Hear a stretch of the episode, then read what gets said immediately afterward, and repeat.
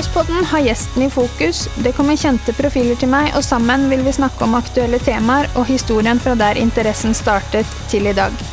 Noe av det jeg er genuint interessert i, er å høre hvordan folk jobber for å komme dit de er.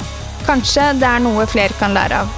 Hva som kreves for å bli best, hvordan de trener, om kosthold og matinntak er noe de har kunnskap om, hvem som har vært der for dem på veien, hvordan fungerer det å være en del av et stort team i innland eller utland, om de høye toppene eller hvordan snu nederlagene.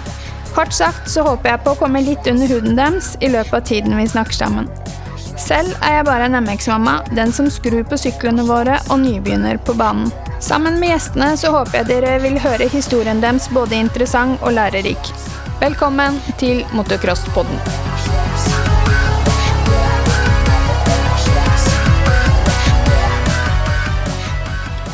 Denne episodens annonsør er Alf Grårud Motor. De er en av Norges klart største motorsykkelforhandlere og har gjennom snart 40 år levert motorsykler, crossere, deler og utstyr til hele landet. I mange år har Alf Grårud Motor gjennom sin AGM Racing-satsing støttet opp under motocrossmiljøet og tilbudt svært gode rabatter på alt fra crossere og crossutstyr til deler og dekk. Alf Grårud Motor og agmshop.no er en 100% norsk butikk med varer på lager i Norge for raske leveranser. Her møter du alltid kompetente ansatte og topp kundeservice. Alf Grårud Motor er forhandler av Yamaha, Honda, Kawasaki og Triumph. Og alle de kjente utstyrsmerkene som Dainese, Klim, Alpine Stars med flere. De tilbyr også et rikholdig utvalg av reservedeler, dekk og tilbør til alle kjente motorsykkelmerker. Besøk Alf Gråre Motor på Borgenhaugen ved Sarpsborg eller nettbutikken agmshop.no. Ja, nå sitter vi her, da. Karsten Hyllestad og meg. Mm. Vi har eh, vært nede i garasjen din og gått over sykkelen din. Litt sånn, ikke gått over sykkelen din, men eh, hvordan man kan sjekke litt eh, lager og, og sånne ting i forhold til eh, kjøp av brukt sykkel. Hva man skal se etter, så man ikke kjøper katta i sekken. Og jeg tror ikke jeg har vært aleine om å kjøpe katta i sekken. Det tror jeg ganske mange har gjort, i en eller annen grad. Mm. Har du kjøpt eh, bruktsykkel noen gang? Vi har kjøpt bruktsykkel. Eh, det var mest i 80 og 85 Nei, helt opp til 20 kjøpte vi bruktsykler. Ja. Det gjorde vi. ja, for du har jo kjørt i mange år, du, da. Ja. Eh, begynte når jeg var rundt Jeg er usikker på om det var sju eller om jeg var ti. Det er i hvert fall noe imellom der. Mm. Så vi begynte jo på en Suzuki 80. Ja, for det er sånn firtakt. Eh, nei, totakt. Totakt? Eh, det er liksom litt før 85 kom. Eh, Så det er jo ganske lenge siden. Ja. Mm, Og da kjørte vi Suzuki i to-tre år, tror jeg, før vi bytta til Kawasaki. Ja. Så du har kjørt, eh, kjørt de fleste merkene. Har du noen gang hatt en Yamaha? Jeg har hatt Yamaha 120. Eh, den har jeg hatt i de hadde jeg, hadde Drøm 20 i tre år, tror jeg. To eller tre år. Mm. Veldig fornøyd med den. Det var, det var bra. Mm. Er det mange år siden du gikk over til eh, KTM? Ja, jeg gikk til KTM i 2011. Gikk jeg til KTM. Ti år sia? Så der hadde de eh, Da kjøpte vi Jeg husker ikke om det var en ny sykkel, men det var en sykkel med ganske mye problemer. Eh, som ikke KTM visste om selv, men det var noe emalje som løsna i tanken. eh, som tetta dyser og filter og Vi brukte ganske mye tid og penger på å få den sykkelen til å gå, eh, og stoppa eh, ganske ofte igjen. Ja. Så da ble det en Kawasaki.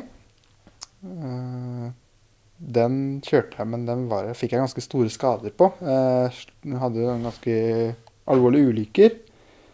Eh, og så kjøpte broderen seg en 252-takt KTM. Mm. Og da endte det med at jeg stjal den og kjørte på treninger med den. Oh, ja. Og da ble jeg egentlig litt sånn frelst på KTM igjen. Og etter det så har det vært KTM for alle penga. Og nå blir det, neste år så blir det gassgass. Men er dere for Du jobber, bare for å, for å få um, nevnt det, du jobber jo på Spinning Wheel i Mysen Ja. som, Eh, mekaniker. som mekaniker. Ja. Men jobber du der eh, som mekaniker på cross eller på landeveissykkel? Eh, alt. Eh, Alt. Ja. Eh, jeg jobber egentlig For det meste så har jeg motordelen. Eh, overhaling av motor, bygge opp motorer og dempere på verksted. Ok. Um, så blir det jo servicer på veisykler. eh, blir det jo en del av, for det er liksom der, der ligger det Er det der pengene ligger, egentlig? Ja, det, vi hadde, det går ikke an å overleve bare på cross enduro. Nei. Eh, Det er eh, Det er veldig ja, Det er litt snevert marked, og det er ikke noe særlig penger i omløp. Det er ingen som kommer og skal ha førstegangsservice, 15 000 service, 30 000 service Nei. på en crossykkel. Eh, Så der er det ikke så mye penger å hente. Nei. Um, men eh, det er jo Vi har jo motorer og dempere da, som jeg driver eh, for si det mest med. Mhm. Det er sånn. Og så brenner jeg jo veldig for å liksom tilpasse og hjelpe folk og få at de får en ganske bra opplevelse med sykkelen. Da. Det er jo, så sånn sett så er det mm, Jeg føler at jeg er At jeg jobber i riktig sted, da. Ja.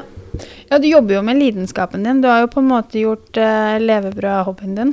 Ja, uh, det er det jo. Og så er det på en måte Jeg gleder meg jo til hver dag jeg skal på jobb. Og sitter jo når jeg, enten når jeg sitter på do eller sitter og ser på sånn som vi sitter her, da, så ser vi på charterfeber, da. Mm, ja. Og da sitter jeg jo og leser om eh, nyheter, eller hvem som- åssen folk skimser, eller hva de gjør for noe i motorer, og mm. om noen har funnet noen nye tips eller triks, eller Mm. Så det er liksom hele tida så er det Hverdagen er Det er cross, enduro, motorsykkelen. Mm. Eh, I alle former. Ja, uansett, egentlig. Ja. Det er eh, Ja, ikke sant. Det er Det, det er, det er mm, Hva skulle jeg si? Nå forsvant det. Men, men det er jo det du lever og ånder for, da. Ja. Har det alltid vært sånn? Uh, ja, det har egentlig alltid vært sånn, men jeg har aldri Eller vi har aldri konkurrert uh, eller vært på noe sånn særlig nivå. Uh, når jeg begynte å kjøre aktivt cross, det var når jeg fikk billappen sjøl. Å ja. Ja. Og før det så var det sånn vi var og trena én, kanskje to ganger i uka. Eh, Mhm. Samme sted hele livet omtrent, i Visti-gropa i Sarpsborg. ja. Eh, og så åpna jo Rudskogen opp, jeg fikk lappen. eh, ble mer og mer kjøring. eh, begynte å konkurrere litt. grann, eh, fikk veldig smaken for det. Mm. Eh, og så har jeg jo et miljø innafor crossen som er vel egentlig det eneste miljøet jeg har. Venner og bekjente er jo det er Mhm. cross. Eh, og interessen for å skru, eller liksom det å eh, finne ut åssen ting virker og sånn, har egentlig vært der ganske lenge. Men det var når jeg var eh, gikk på skolen og skulle kjøre aktivt cross. Eh, så da var det veldig lite penger og måtte fikse alt sjøl, da. Mm. Eh, Er du utdanna innen mekaniske fag? jeg er helsefagarbeider. Jøss! Så jeg har vært helsefagarbeider i fem år, nesten. Det hadde jeg aldri trodd. Nei, så jeg liker veldig godt å jobbe med mennesker òg. Det trives eh, godt med det. Men det er det derre eh, turnusarbeid, litt dårlig betalt. mm. og ikke kunne drive med noe jeg liksom virkelig brenner for. Eh, det førte til at jeg begynte hos Jon da, på spinning i hvil. Ja. Eh, Det var en åpen stilling der, liksom. Eh, det var egentlig mer at jeg fikk lønnsslippen, siste lønnsslippen, og da fikk jeg se årsoppgava. Og da tenkte jeg at det her er for mye jobb til for lite penger eh, Ja. og lite fritid. Jeg dro opp til Jon og så spurte om, om jeg kunne begynne hos han. Mm. Eh, og da hadde jeg vært eh, to eller tre år som sånn ekstrahjelp på sommeren der oppe. Ja. Um, og da fikk jeg jo heller lov til det, og det er jo som han sier, at jeg er jo en løs kanon på dekk. Så det, ja, men han er vel ikke eneste som sier det. Nei, det har vært det, ja. Jeg har jo hørt no Nå kjenner jeg deg litt fra før av. Jeg har jo hørt noen historier om deg eh, sånn temperamentsmessig. Ja, det Det er mye temperament, det er det. Ja. Det har jo blitt mye bedre, men det Ja, Blitt voksen du også, da? Nesten. ja de sier jo det, men det er liksom Det har jo hjelpa litt, det har det. Ja. Ja, nei, og det er jo ikke så stygge og, og historier i det hele tatt. Det er jo mer sånn morsomt fordi at du har ikke fått det du egentlig har tenkt deg på banen. Det har ikke gått så bra som du har ønska, og så har du fått det, har det liksom blitt litt sånn smårasende, og så har du bare kjørt sikkert, satt bilen, nei, bilen, til sikkert i første gir, og bare kjørt den inn i, inn i bilen og bare smukka igjen uh, døra. Ja. ja. det blir fort litt sånn. Det, jeg har også vært og kjørt uh, på trening ti minutter. Syns det har vært dritt. Pakka sammen bilen, satt meg i bilen. Og satt i ja, halvtime i bilen og bare satt og furta. uh, pakka ut sykkelen igjen, satt på sykkelen og trena videre. Så det er altså, Men jeg, veldig, jeg, er veldig opphengt i at hvis eh, jeg skal få til ting eh, Hvis jeg ikke får til ting, så blir jeg helt sånn at jeg må få det til. Ja. Eh, og da, hvis jeg ikke får det til, da, så blir, det, da blir jeg irritert. Og, så det er nok uh, mye der jeg har lært òg. For at jeg har, vært, at jeg har kjørt, uh, og så syns jeg ikke dempinga har vært bra. Mm. Så har jeg uh, kjørt og tatt opp demperen, uh, endra noe, satt den sammen igjen, kjørt, Uh, ikke fått det akkurat sånn som jeg ville ha den. Mm. Tatt den opp igjen, prøvd litt forskjellig, endra noe, og så satt den sammen helt til jeg får den akkurat der jeg vil ha den. Ja.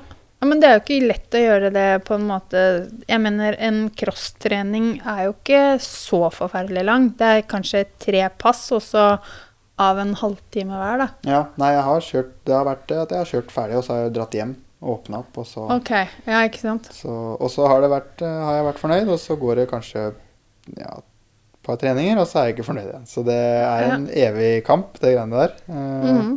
Men jeg lærer utrolig mye på det, uh, og jeg finner, uh, finner, ut av ting som jeg får bruk for i jobben min og i det private firmaet. At jeg liksom, jeg finner ut hva som funker og ikke funker. Mm. Um, det... Ja, for du har et, eh, et, firma ved si også. Ja. Hyllestad Motor. Ja. Og det er nede i garasjen, der vi var i stad? Mm, det er det. Uh, det blir å bygge lokaler nå snart. Ok. Uh, men det er liksom på en måte drømmen, da, å kunne jobbe med det hver dag. Som er dempinger og motor. Mm. tilpassing, spesialbygging og liksom kunne utføre servicer og problem, finne problemer, da. Ja. Men, men, eh, jeg har jo hatt eh, Du vet jo Jeg har jo vært hos Espen Tech. Mm. Og det er jo ikke noe skole å gå på. Det er jo ikke noe fag, det er jo ikke noe kurs. Det er jo ikke noe Det er jo på en måte en, en uh, Lære å lese, holdt jeg på å si. Lær å prøve å feile og søke og prøve ut, liksom. Ja, det er det. Uh, skal man få det til, så må man være heldig med, ting, med folka man har, har rundt seg. Mm. Uh, du må kunne sånn På jobben min så har jeg utrolig flinke folk. De har mye kunnskap. Mm. Uh, jeg har får, til, får, mye kunnskap gjennom uh, VP og ved å prøve å kjøre. Det er produsent av gafler? Ja, det er den som lager for KTM. Ja. De har vel både Huskvarna òg? Ja, Huskvarna, Gassgass. Og sikkert Gassgass òg, ja. ja. De har litt sånn forskjellige typer, litt forskjellige prisgrupper og litt forskjellige funksjoner. Ja, jeg har hørt en hårreisende historie om deg. Om mm. pengebruk på gafler. Ja, det Er, er det sant?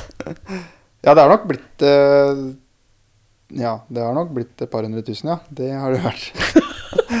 ja, for du hadde noen gafler på lag-NM på Nord-Odal. Ja, stemmer det. Ja. ja. Jeg fikk jo helt bakoversveis. Ja, det er gafler til 100 000 kroner. Eh, men det er sånn som ikke folk kan få tak i. Det er 52 mm kun for fabrikksførere.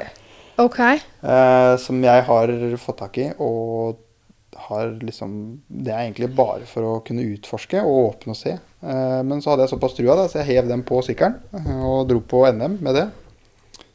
Og det var jo ikke bra i hele tatt. Nei, jeg, hørte, jeg, hørte jo det òg. Så jeg tenkte nå skal jeg se om du sier det. Ja, Så det var bare å pelle av og hive på original igjen. Ja. Eh, dem, men jeg har åpna dem i etterkant nå og sett at det Han forrige som har vært inni der, det har ikke vært helt bra. Nei, ok. Det, Nei. Ja, for du ga ikke 100 000 for dem? Nei, nei, nei. Det gjorde jeg ikke. Eh, Man får Du er ikke så gæren. Nei. Det, men det har blitt uh, mange sett med Conval, Wølins. Nå kjører jeg jo med noe som heter MX Tech fra USA. Okay. Uh, som jeg skal selge gjennom firmaet mitt. Som fungerer, uh, det er et system som fungerer til cross og enduro, da. Ok. Men er det fjærer? Ja, det er fjærer. Det, det er ikke luftfjærer, det er stålfjærer. Ja, spiralfjærer. Ja. Så ja spiralfjærer. Beklager, jeg tok Ja. feil. Ja, men det er eh, ikke med luft. Nei, for det, det er litt sånn som han Espen Jeg veit jo at du har en forkjærlighet eh, for fjæring, du også. Mm. Eh, og, hans, og, og det har jeg jo sett eh, egentlig på alle de som som satser og, og kjører bra og kjører mye. De kjører jo ikke med, med luftfjærer. nei, det Ja, det Det er ikke mange av dem, i hvert fall. Nei, vi har jo Even Heiby, men han er jo liksom et uh, talent for seg sjøl. Mm. men det er uforutsigbart. Du får det ikke sånn som du vil ha det. det. Du får det til et visst nivå, så stopper det opp egentlig ganske der, og da blir det, det blir så som så å kjøre med. Mm. Eh, er du en som er litt veldig pirkete og vil ha det ganske bra til det du vil ha det til, så er det at man fjerner det. Ja.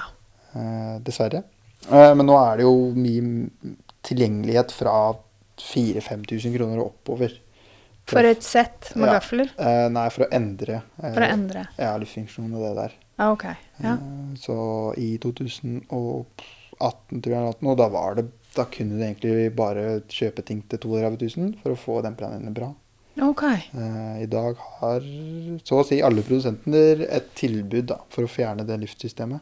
Mm. Eh, og så er det mange som syns luftsystemet fungerer helt bra. Og jeg har også dager jeg syns det For jeg har testa mye og prøvd forskjellige typer ting inni demperne for å få dem til å fungere bra.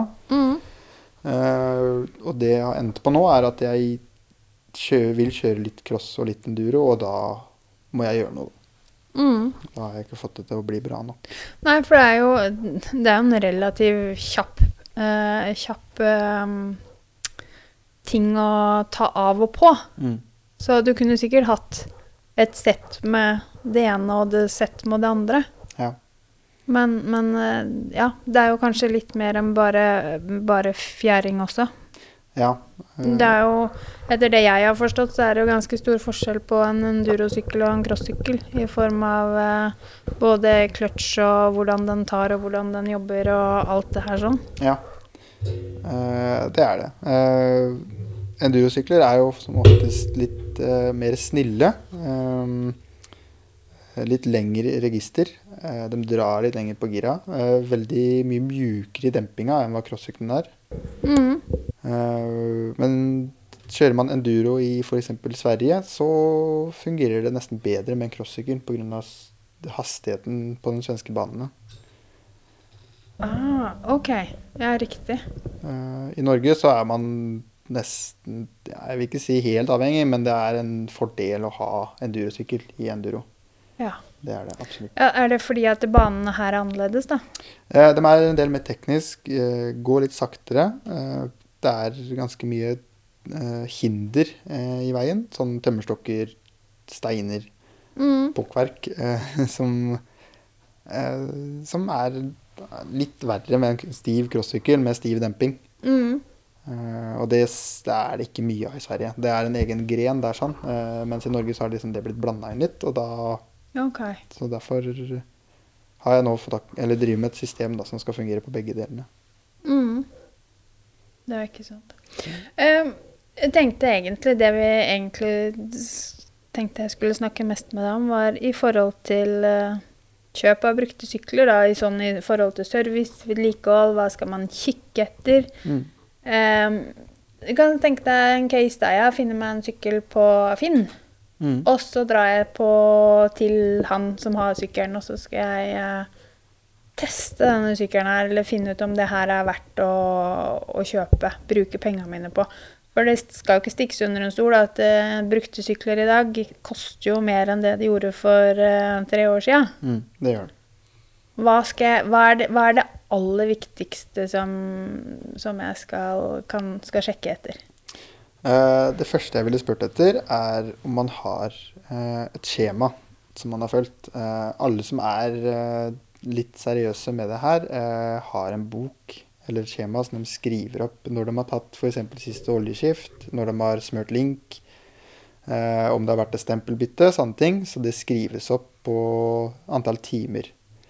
Um, det er Har han ikke det, så har det liksom vært Ja, da kan det Man kan jo huske, men hvis du kjøpt, kjøper en sykkel som har gått 100 timer, så kan ikke han sitte og huske at det, ja, det har vært bytta uh, hver femte time. Når han bytta stempel, når han bytta clutch, når sånn og sånn har vært bytta. Uh, så, og link, uh, i hvert fall på sånn som KTM og huskerne dem, så er det det er å ta opp 15-20 timer mellom hver gang du tar det opp og smører.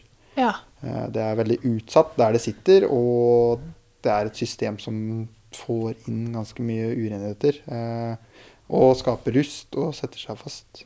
Mm. Eh, så det ville jeg spurt om. Oljeskift på firetakt er veldig mye mer nøye enn på en totakt, men det er det der å ha det registrert.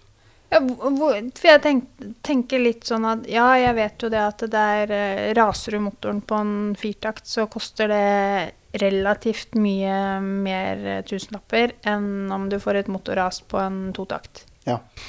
Men, men jeg trodde at intervallene var lengre på en firtakt enn det det er på en totakt. Ja, eh, stempelintervallen er lenger. Eh, den går jo som sagt litt eh, saktere enn en totakt, men mm.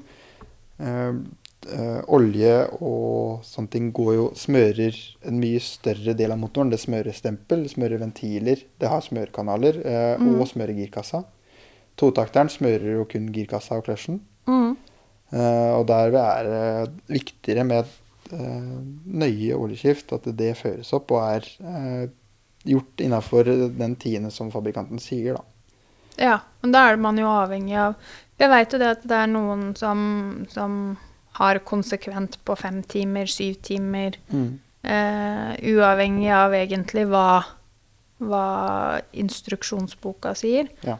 Um, jeg bare veit sjøl Nå har vi fire sykler, mm. uh, og jeg har uh, Jeg fører bok. Ja. Og det er uh, Ja, for jeg har ikke kjangs til å huske på hva jeg skrur på når, hvor mange timer den har gått. Så jeg, jeg fører opp alt. Ja. Jeg, fører ikke opp luftfilterbytte, men alt mulig annet, uansett hva jeg smører opp eller sånn, det, ja. det skriver jeg opp. Det tror jeg er veldig lurt.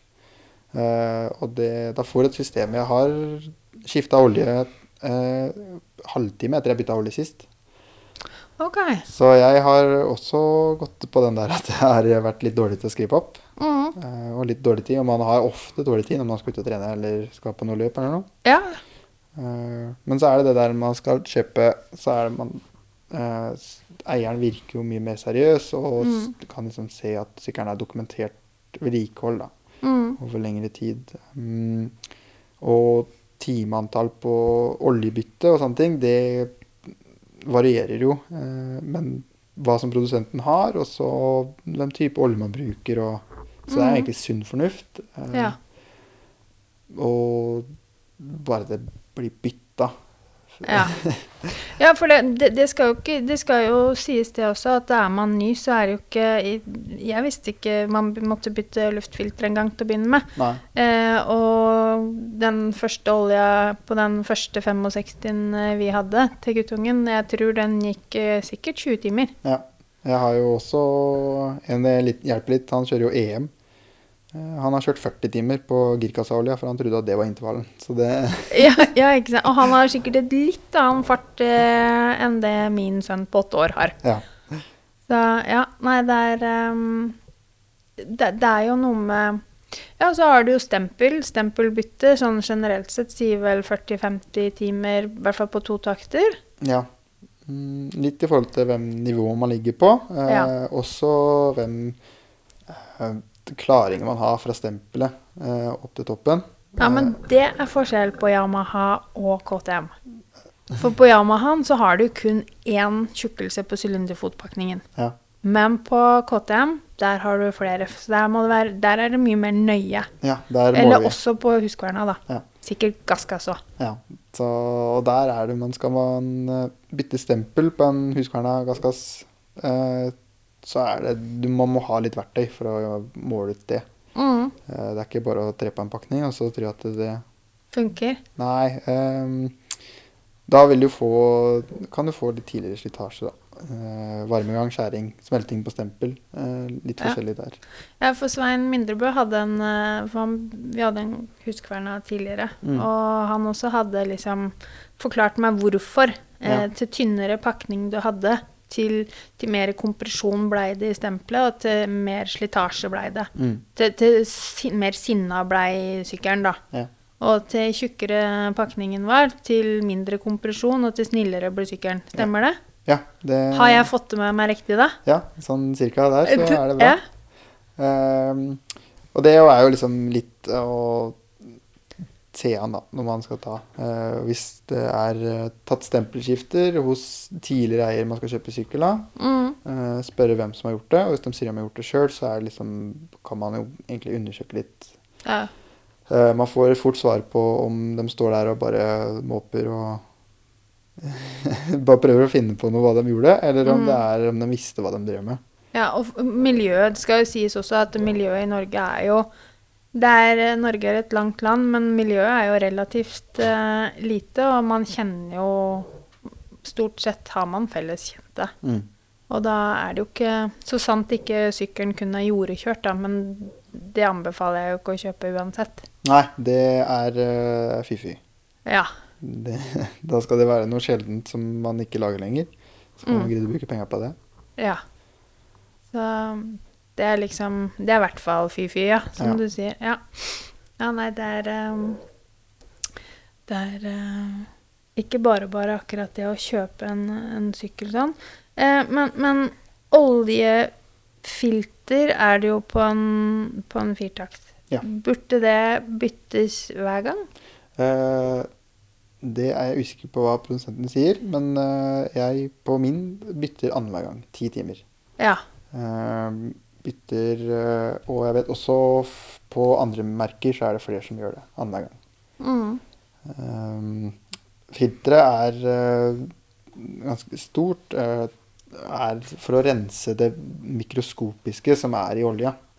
Eh, man har siler som er litt grøvere for å ta litt større partikler. Eh, Mm. Så det skal eh, ganske mye til for at det eh, oljefilteret skal tette seg i løpet av ti timer. Mm. Um, tetter det seg i løpet av ti timer, så er det ikke filteret som er problemet ditt. Da, er det, da har du noe annet sted.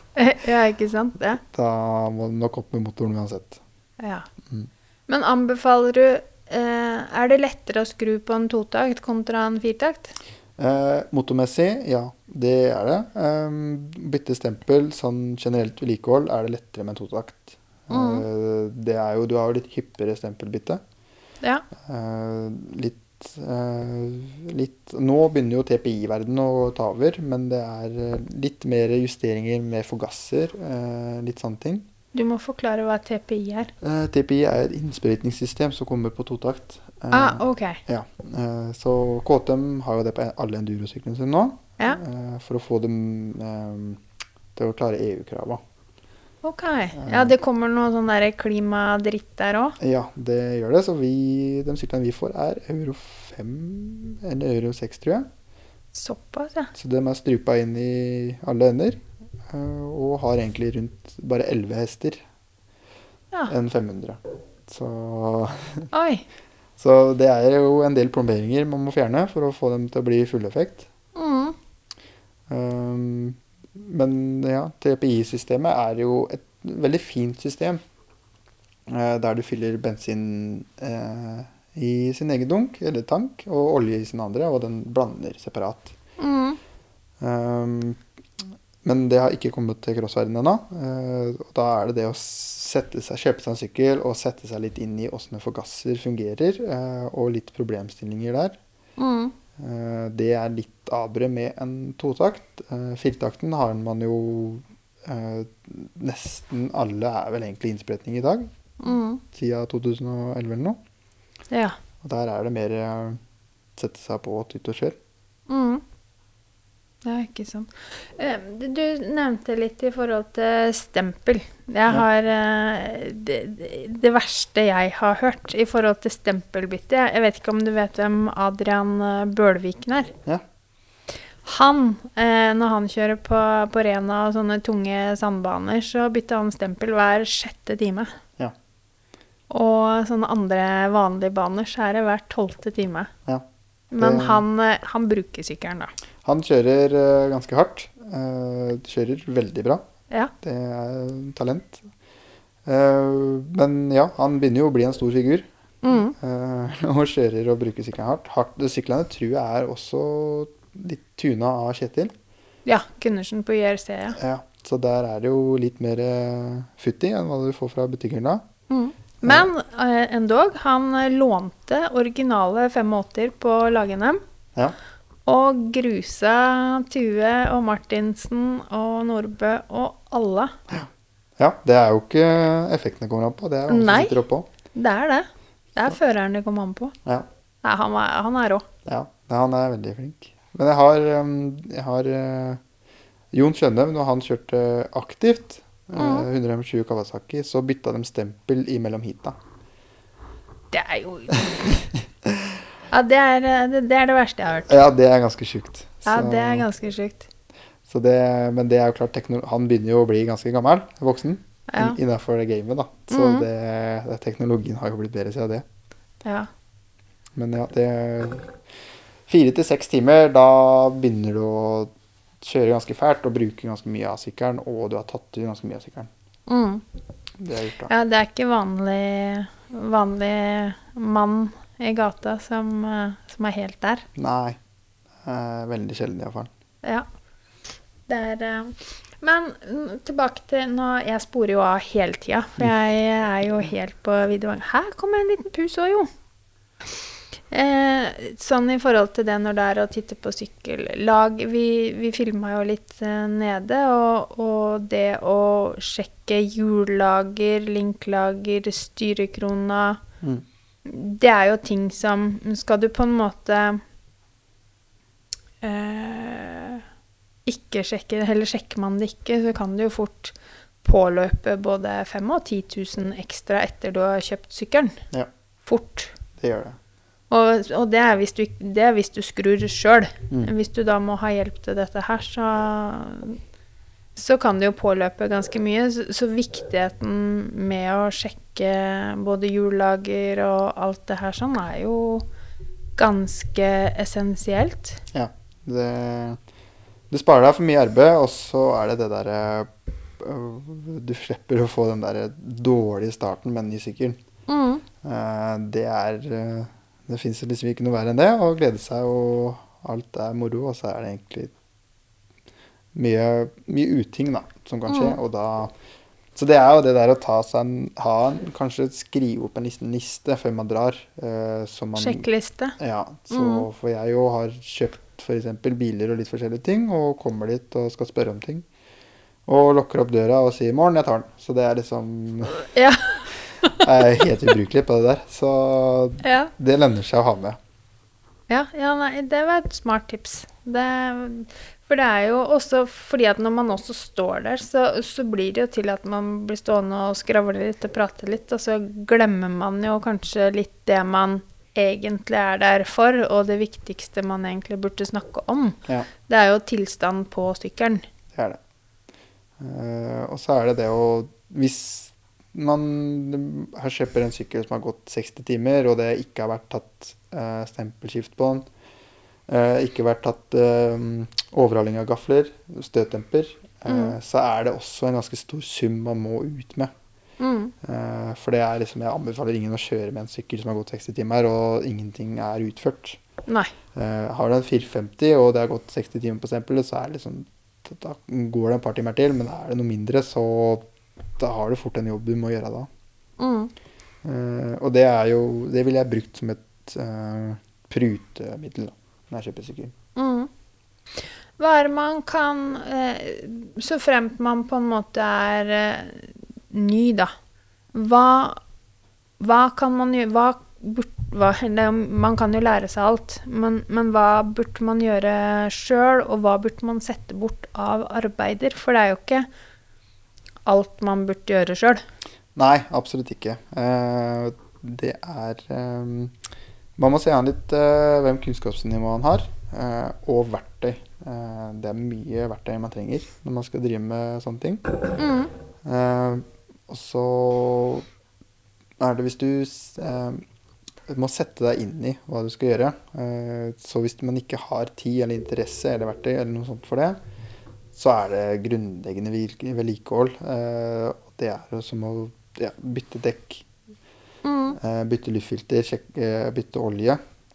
Eh, kan hende eh, at du kan begynne å bytte styrekrone og sånn sjøl, men som oftest så er det er man flink til vedlikehold og har 15-20-30 timers intervaller på bevegelige deler, eh, Mm. så slipper man ofte å bytte lager. Og Det holder med å smøre opp. ja, gjøre rent og smøre opp. Mm. Uh, Bruke litt penger på bra fett som tåler litt vann.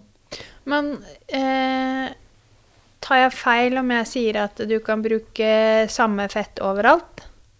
Eh, du kan gjøre det, eh, ikke optimalt. Du burde ikke, men du kan. Ja, eh, det er vel egentlig litt mer om du er litt fin på det eller ikke. Eh, Ok. Jeg bruker samme fett overalt. Mm. Uh, bruker, men det er mange som bruker litt uh, lavfriksjonsfett i linkarmen. Uh, men jeg bruker Vurt sitt ultra heavy duty fett. eh, Ok. Som er veldig vannbestandig. Tåler mye friksjon og skal veldig mye til for å vaske. Friksjon, det er bevegelighet. Ja, når to flater glir, glir mot hverandre. måte. Mm. Så, så heller bruk litt penger på det, og så mør inn i der du kan. Og samme er det med VD40, og det er uh, heller bruk litt mye enn litt for lite. Ja. Det, det kan spare deg for litt jobb. Mm. Kjeder og, og sånne ting. Vi snakka litt om det nede òg. Kjede og drev. Eh, det koster jo penger bare i forhold til er man, eh, Sjekker man ikke så innmari nøye? Har, kjøper man en sykkel Man har sykkel med litt slitte dekk. Mm. Man har et slitt drev. Man har et slakt kjede. Eh, litt slitte brems bremseklosser. Og det er kant på, på bremseskivene, så er jo det snakk om ganske mange tusen. Ja. Og det er ting man kanskje ikke tenker så mye over. Tenker du over det hvis du hadde kjøpt en brukt sykkel? Nei, jeg tenker jo egentlig mer på den pengene jeg har spart opp til den sykkelen. Ja, ikke sant? Også litt sånn, jeg, for jeg er litt sånn Det har ikke jeg vært så De tinga der har ikke jeg vært så, så flink til å sjekke. Det jeg har spurt om, er liksom Råde, veiv, Ja. stempelbytte Alt det her, det, det motto, det maskinelle, da. Mm. Men, mens det er Ja, det koster jo penger, det òg. Men, men øh, får du et fullt øh, motoravari på, på en totakt, så kan du komme av gårde med 6000-8000 kroner. Mens øh, det er 30-40 kanskje på en øh, firtakt. Mm. Og så er det jo det i forhold til disse slitedelene, da, for det er jo det det er. Dekk og bremser og, og kjede og drev, det er jo slitedeler. Det er det. Og det er jo ting som, som også koster penger. Skal man ha ordentlige ting, da. Så altså jeg bare prøver å få litt fokus på, på akkurat det. Ja. Det er nok ikke dumt, det. Eh, og det er eh, blir litt sånn til når man skal, den som skal selge videre òg, at det Man trenger liksom ikke å hive på den dritten man har liggende i hjørnet fordi Nei. man skal selge noe. Men eh, det er jo ikke man, man tenker litt selv at det Skulle jeg kjøpt den sykkelen jeg skal selge nå, så ville jeg jo ha den sånn som så som så. Mm. Eh, ikke bare skrape sammen noe. Eh, og litt det der når man er førstegangskjøper, og sette seg litt inn i det. Eh, ta kontakt med noen som har kjøpt en sykkel før. Mm. Tror jeg også er veldig lurt å spørre om eh, Men nå blir jo den podkasten, eller den her episoden, da, og så kan jeg liksom høre litt og tenke at eh, ja, jeg bør sjekke det og det. For at du kjøper en sykkel til 50 000, så sitter du ikke og forventer at du skal bruke 15 000 på å få den i noenlunde stand. da. Nei, du gjør jo ikke det. Absolutt ikke. Eh, så er det jo mange sykler som har timeteller. Mm. Eh, noen er for, noen er mot. Hva er du? Jeg er for timeteller. Eh, timeteller er jo noe som gjør at du kan følge med på intervallene du har, som du skriver ned i boka, Mm. så at du blir konsekvent på når du skal ha, og når du har gjort. Mm. Men jeg vet det er mye juks med timedelere. Eh, KTM har et system der vi kobler på hjernen der vi kan se antall timer på firetaktere. Ja. Og den nye innsprøytningssystemene på totaktrene. Eh, vet også Yama har det på firetaktere sine. Ok. Ja, for vi har en sånn eh, app. Ja, Mapping-app. ja, og den får du liksom ikke juksa så mye med. Nei.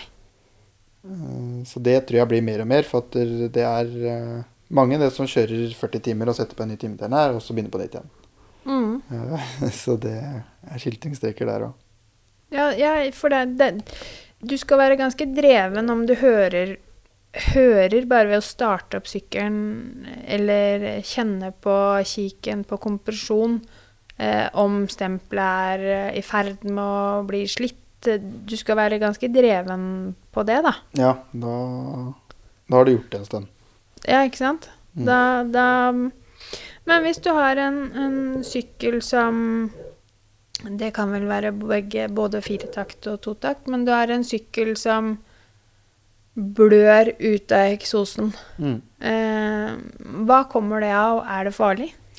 Nei, det er ikke Oftest er det ikke farlig. Eh, Det kan være mm, veivhustetninga, simringen der, som gjør at den trekker inn girkasseolje. Mm. Eh, veldig sjelden. Men det kan være at der, eh, han er dysa, at han får for mye bensin. OK. Eh, og Du kjører ikke fort nok? Eh, Ja, på en måte. Eh, Det er også veldig lett å gjøre med. Og sjekke hvem prosent man har i bensina. Mm. Sitter man og kjører med 3% for å føle seg trygg, så vil det bli en del ut av eksosen. Ja. Eh, Det er uforbrent eh, oljerester da, som kommer ut. Ja. Altså, det er ikke farlig, for det har liksom gått igjen på noen av de Facebook-gruppene. er faktisk eh, vært noen spørsmål om det. Og, Mm. og jeg også må si det, at eh, første gangen jeg så det på, på sykkelen til en av ungene mine, så var det sånn derre rett på telefonen til Martin Hovin på Grårud og bare Åh, er det farlig, liksom? Og han bare nei, slapp av. Ja. Men, men det er jo mange som ikke vet det. Nei, det er det ikke. Hvorfor, hvorfor det er sånn, da. Mm.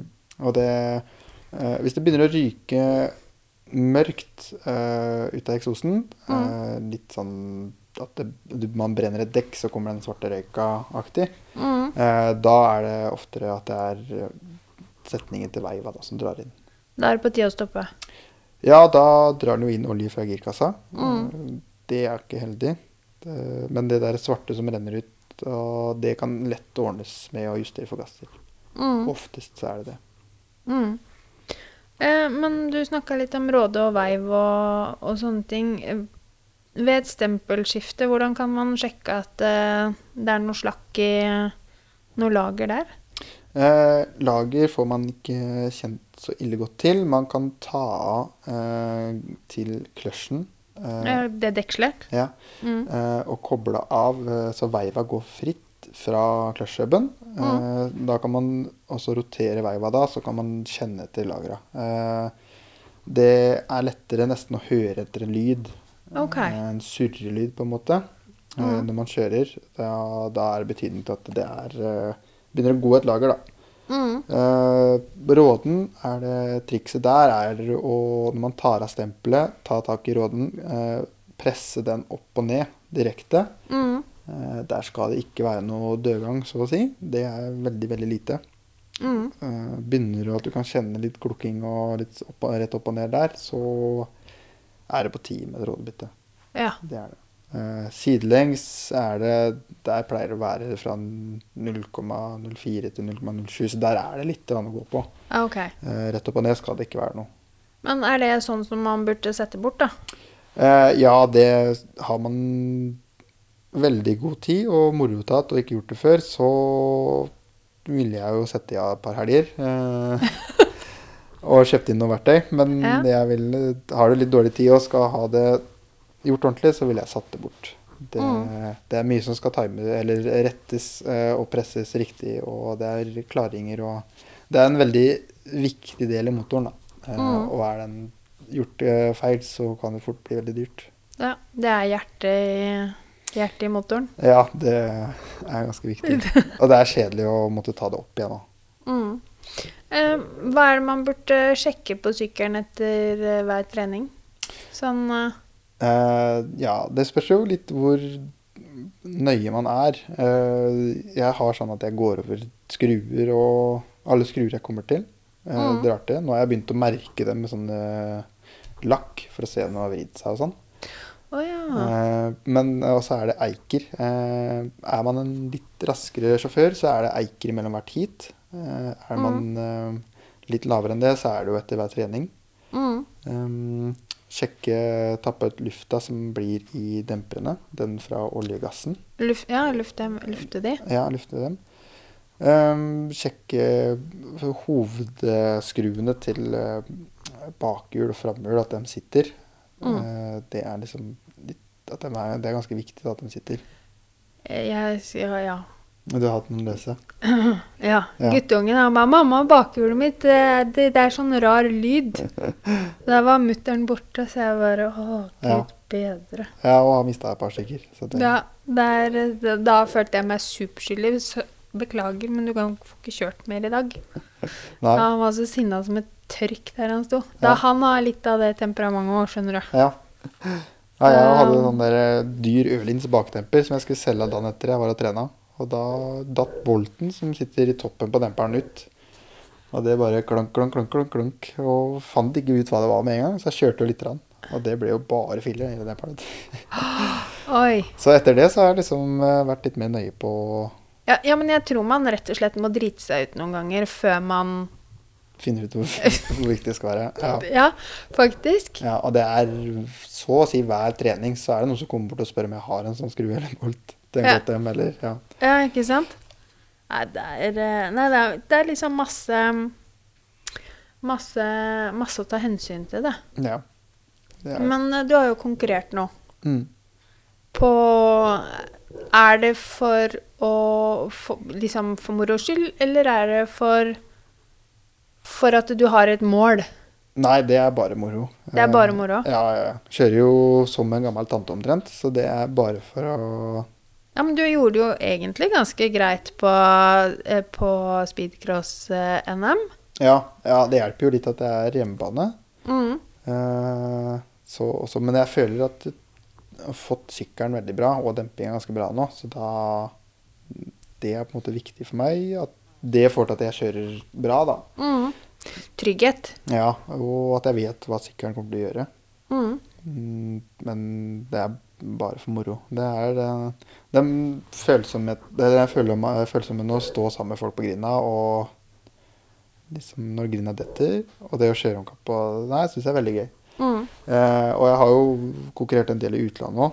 Eh, Hvor har du vært hen? jeg har vært et par turer i Danmark og kjørt. Kjørt noen løp i Nederland, eh, Frankrike og eh, et par løp i Sverige. Jeg skal kjøre, Neste år skal jeg kjøre cup for en svensk klubb. Nei, så så- kult. Så de skal betale meg for å kjøre sju runder av sånn svensk cup. Ja. Eller ikke betale, men liksom betale Startkon... startkontingent. Mm. Ja, litt sånn forskjellig. Mm. Så det blir jo veldig moro, da. Hvilken? Eh, Kattul-cupen? Nei. Nei, det er eh, BA-cupen i Sverige. Jeg husker ikke hva det heter. Det er sju, mellom sju klubber okay. som kjører om hver, mot hverandre da, på de banene. Ja, Så jeg skal kjøre for Sotnes, da. OK. Morsomt. Ja, det tror jeg blir ganske gøy. Ja, nei, det er det. Og det er jo eh, et helt annet både nivå eh, i Sverige, det er mange flere, Mm. eh, og mye mer show, da. Ja. På alle renna, og det er smukk, smukk, smukk du må følge med på. Hvis ikke så mister du hitet ditt, liksom. For der er De går ikke etter klokka der, sånn som de gjør her i Norge. Nei, eh, her går det gjerne en time etter klokka òg. Ja, ikke sant? Der var det bare å henge i stroppen, men det var jo så morsomt, og spiker som bare Nå kjører vi! Ja. Det, nei, det var um, Så vi også på en måte har planer om å kjøre litt uh, flere løp i Sverige neste år. Mm. Men um, det er alltid uh, noe nedover òg, da. ja. Så du har ikke planer om noen turer nedover Europa? Nederland, Belgia? Nei, nå Jeg tenker å bruke tid og penger på å bygge opp firma. Mm. Eh, Jeg har lyst til å ha det fram og få det mest mulig oppe og går. Mm. Eh, og så har jeg et par førere som jeg hjelper litt. Eh, og så eh, driver jeg jo liksom og forsker litt på forskjellige ting. Mm. Så det blir å satse på det. Og så er jo Håkon da blitt en sånn derre student. Ja, det. Eh, Og det er jo oh. kona mi, så da får jeg ikke dratt ut med kona, og da er det ikke moro å dra. Nei. Så da, så da må jeg sitte og vente til han blir ferdig med å studere. Ja. ja, nei, det er eh, Det var eh, Klarer liksom ikke helt se for meg han inn i Tigerstaden. Nei, jeg tror han, han syns den er ok, men han uh, savner å kjøre og Ja. kjenner litt på at form, crossformen bare forsvinner. Ja, det tror jeg på. Det er eh, Nei, jeg, jeg, jeg syns det var um, Jeg spurte ham om han liksom kom til For han er jo uh, Han er jo ikke den mest ekstroverte. Nei. Han er ikke den som er, menger seg mest med folk. Og Så jeg spurte liksom om du kom til å savne hjem til ville, vakre Våler. Han ba, Han visste jo ikke noe helt det her, da. Men Nei. han kunne alltids komme hjem igjen. Ja. Nei, men jeg tror det blir bra. Han Ja. uh, jobber med noe han har interesse for, og så har han, han har huet fort. Han er utrolig flink til sånne ting som det her, og Mm. han kommer til å ta det fint. Ja, han er kjempesmart og en eh, fin fyr. Ja.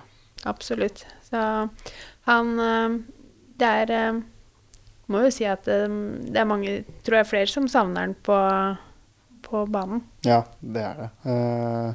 Både her og i Sverige. Ja.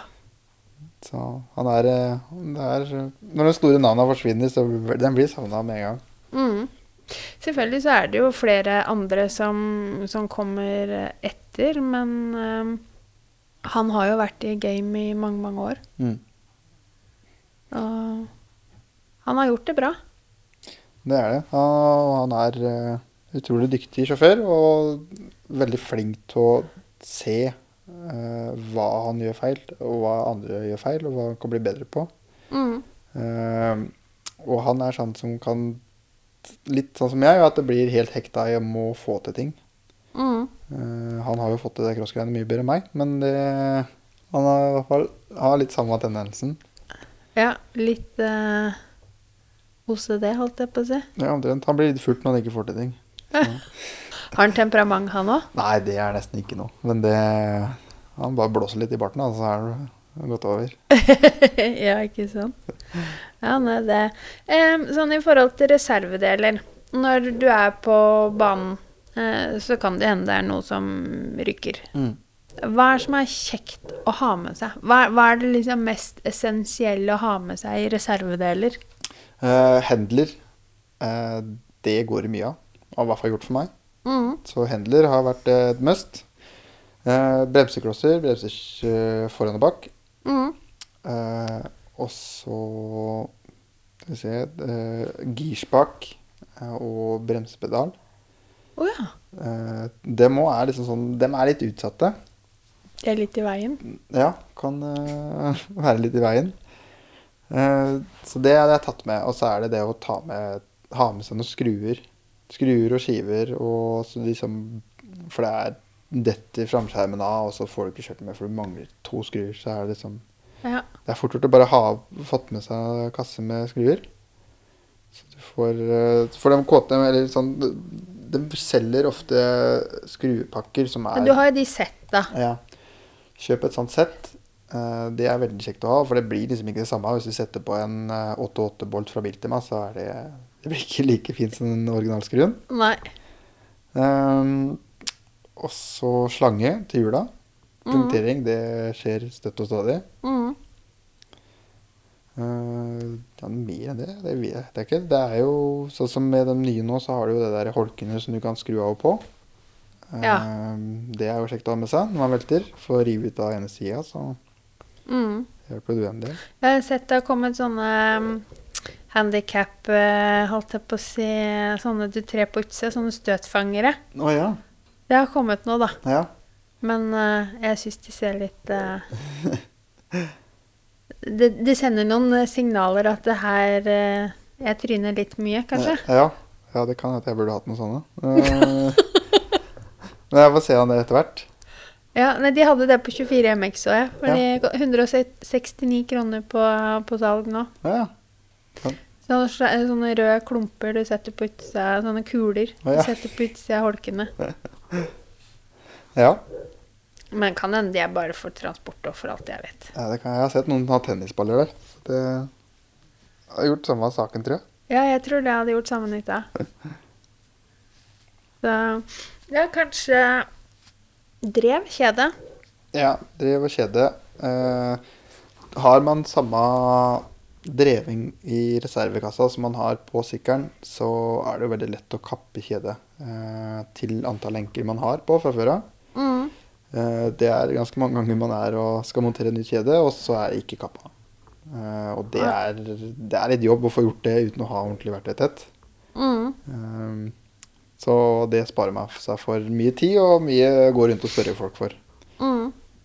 Så drev og kjede og kjedeglider. eh, Ja. Det er ganske Det er ikke dyrt, og det er ganske kjekt å ha. For når det begynner å gå gjennom der, så subber det ofte på ramma. Eh, og da Ja. Det er ikke så heldig å skal selge en sykkel, og så her er det subba i svingarmen, så liksom, det er fort 5000-6000 for en baksving. Mm. Ja, det koster jo penger, det mesteparten. Mm. Det er ikke noe billig sport, men eh, det er fryktelig morsomt. Ja, det er det. Det er verdt alle penga.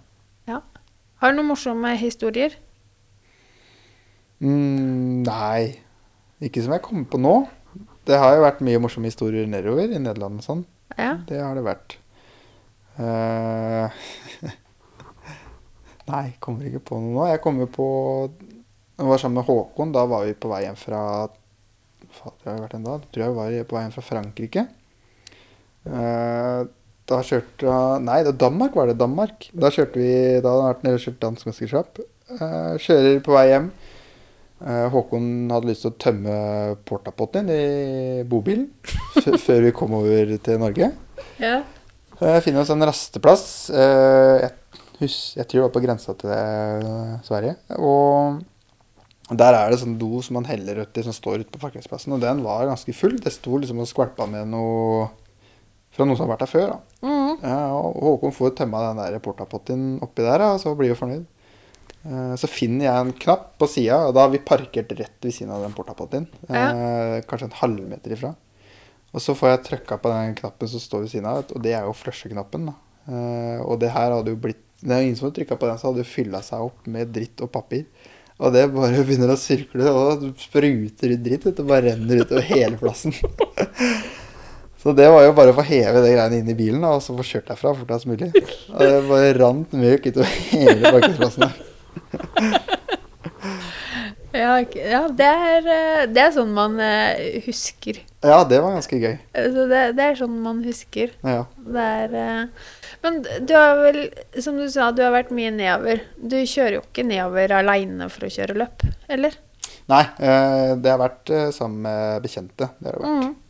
Eh, to første gangene jeg var der nede, så kjørte jeg i nødmodus med Mercedesen. Så da brukte jeg tre dager hver vei. Eh, Så det var mye å sitte i bil. Eh, Når jeg var der nede, så var jeg jo Det, en det er tøft gjort da, i utgangspunktet å legge ut på en så ned til Frankrike i en bil på nødmodus, liksom. Ja, jeg brukte nesten tolv timer til København. Så det, så det tok lang tid. Å, herregud. Ja, det er, eh, det det er friskt gjort. Ja, men jeg skulle være der nede ganske lenge, så da var det egentlig greit. Men det var Kjørte forbi lastebiler i nedoverbakke, eh, og dem tok meg igjen og kjørte forbi meg i oppoverbakke. Og så det endte jo med at dem begynte å vise finger da, og prøvde å presse meg av veien og sånn, for var, det er jo ikke lov til å kjøre forbi i Tyskland Nei. på lastebiler, så det var mye, mye nesten-situasjoner der sånn. Hva gjorde unge Hyllestan da? Nei, det var å smile pent og vise finger tilbake, det. Så det hjelpa ikke akkurat nå. Nei, det tror jeg på. Det, herregud. Nei, det, du har jo vært med på mye rart, da. Ja, det har vært mye greier. Det har, Ja. vært, det har vært mye moro. Ja. Det, det, det høres jo sånn ut. Og miljøet i seg sjøl er jo Det er jo et er, Norge er stort, men miljøet er lite. Og som jeg sa, alle kjenner jo stort sett noen, og kjenner hverandre. Ja. Og det er jo utrolig morsomt å kunne dra en gjeng på tur og Ja. få det sosiale, da. Det, det er utrolig fint miljø uansett uh, hvem nivå man er på. Uh, mm. synes, det syns jeg er ganske spesielt med eh, crossen. Da, at det er, liksom, det er ikke blodseriøst, og folk driver ikke og holder hemmeligheter. Og man er liksom åpne med hva man gjør. Mm. Det er ikke om du går og spør Hvis du driver med gokart, så går du og spør han ved siden av deg om åssen dysing han har, så sitter han bare stygt på deg og ber deg gå et annet sted. Ja, ikke sant. Eh, crossen er veldig åpen sånn, og det er veldig godt forhold uansett. Mm. Eh, Det er jo klart, vi har jo, vi har jo noen, noen som er litt mer spesielle, og litt sånn, men det er, jeg syns det er veldig bra. Og mm, alle blir tatt godt vare på. Og man er hyggelig. Og det er eh, Selv om man blir tatt igjen med tre runder på NM, så smiler de til deg etterpå, liksom. Så det er, Ja. det er helt rått. Ja, nei, det er, det er spesielt, og det er, eh, det er fint. Eh, forbilder, har du det? Ja, det er jo Jeffrey Hølings er jo en av dem. Mhm. Da holder jeg på dette ut av stolen når jeg ser på han kjøre VM. Eh, Ja, den eh, med Prado som hoppa på han eh, over målhoppet her Ja. for noen helger siden, den var relativt uh... Da satt jeg oppi den stolen der og slo i gulvet og var så sinna, så jeg holdt det på å daue. og da var det rett inn på Instagram og fjerne Prado fra alt som var. Men uh, det er jo veldig barnslig. Men det var i hvert fall sånn reaksjonen var. Ja. Så nei, jeg vet ikke. Det er jo Hølings har vært um, Og så har det jo vært eh, Håkon har jo liksom vært et stor del av nesten meste voksne livet mitt. Mm, Har jo vært sammen med han flere ganger i uka i mange, mange år. mm. Sånn lokal, eh, lokalt forbilde. Ja, og han, han er veldig flink til å kjøre, og er liksom Personligheten hans også er jo til å være til å ha som et forbilde. Han er jo Mm. helt rå til han. Ja. Eh, så har det jo vært Emil Grøtland og Lasse Christoffersen. Det har jo vært store helter Ja. i barndommen. Mm, Det har det vært. Så dem har, eh, og dem har vært hyggelig hele tida.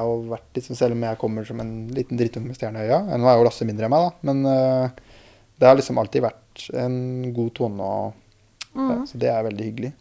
Og nå er vi jo ganske gode venner, alle sammen. mm. Har, du, har du vært på noen sånn MXGP-løp? ja, det har jeg vært. Uh, vært i Nederland uh, flere ganger i Sverige.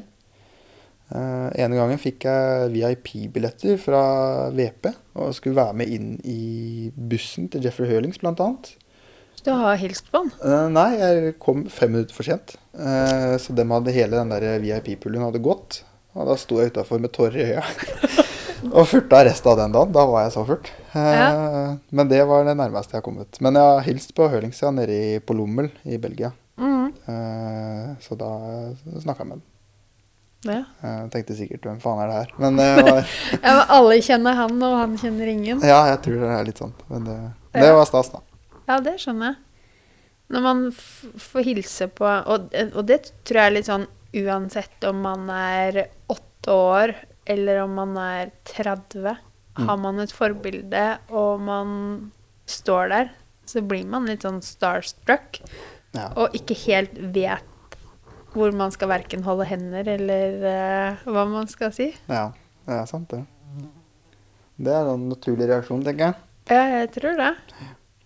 Det er um, Jeg jo, må jo si jeg er liksom Jeg har snakka med Cornelius Tøndel, og han er jo en fantastisk kjører. Mm. Og jeg må jo si det at det første gang så var det litt sånn der Ja. Litt sånn starstruck. ja. Men han er, han er så lugn, så han venner seg fort det, på en måte. Ja, men sånn er jo egentlig alle av dem. Ja. Fordi at eh, de er jo bare seg. Mm. Så selv om eh, de kjører bra og er eh, stjerner, så, så jeg, jeg tror ikke de tenker på det engang. Nei. Det er så nede på jorda. Ja, det er det. Jeg har jo bodd en uke i Skåne med Nei, det jo, med Tendel. Da var jeg jo der nede alene etterpå. Mm. Så det var morsomt. Og da han drev og hoppa fra Han tok sånn der eh, dødsing fra alt mulig tårn og sånn inn på sånn eh, badehall, og det var mye greier. Så det var moro. Ja, ikke sant? Så han er jo helt gæren nå. Det står og bader i isvann og akkurat som det ikke er noe. Ja. Ja. ja, men du må ha litt guts, da, for å drive med det her. ja, det tror jeg. Må mangle noen skruer. Nei da. Nei da, men, men det det er jo ikke noe pysesport. Nei, det blir mye skader. Eh, Har du skada deg? Ja, det har blitt uh, ganske mye. Eh, Jeg har nok egentlig kjørt litt fortere enn jeg var av talentet. Så Mm. det har blitt Så det er 18 hjernerystelser og over 30 brudd. Så det begynner å bli ganske stiv i kroppen om morgenen. Men det går seg til utover dagen, så det går greit. Ja, det er ikke verst, da. Så det har blitt ganske store operasjoner og litt sånn forskjellig, ja. Mm. Så, Men det gror, og det er det er en del av moroa. Ja. Det gjør ingenting. Og er, har man gips og er knekt et ben eller noe, så er man jo på banen og prekker pisa likevel. Så det, det driver og skrur med. Så det, Ja. så det går helt fint. Ja. Ja, det er jo bra du på en måte ikke har vært på noe sånn superalvorlig så du ikke kan kjøre mer. Nei, det er jeg veldig glad for. Det, det er nok sikkert litt mer tragisk. Mm. Så, men men eh, jeg vil bare takke deg egentlig for en eh, super kveld. Jo, Nå har vi jo vært her i fire timer? Ja. Nei da, det er ikke så langt unna i hvert fall. Nei, det er fredag, så det går greit. Det er fredagen, og så, så jeg vil bare takke deg. Jeg har hatt en utrolig lærerik og blitt morsomt å snakke med deg og blitt kjent med deg på en litt annen måte. Jo, takk. Det er ting man ikke visste. Nei. Så det blir jo litt sånn. Men tusen hjertelig takk. Jo, selv takk. Så, så snakkes vi igjen om ikke lenge. Jeg vet ikke om du skal på Høstfresteren i morgen? Nei, jeg reiser til Karlstad i morgen. Ja, kjøre? Mm. Ja. Men vi snakkes veldig fort igjen. Det gjør vi. Tusen hjertelig takk. Takk.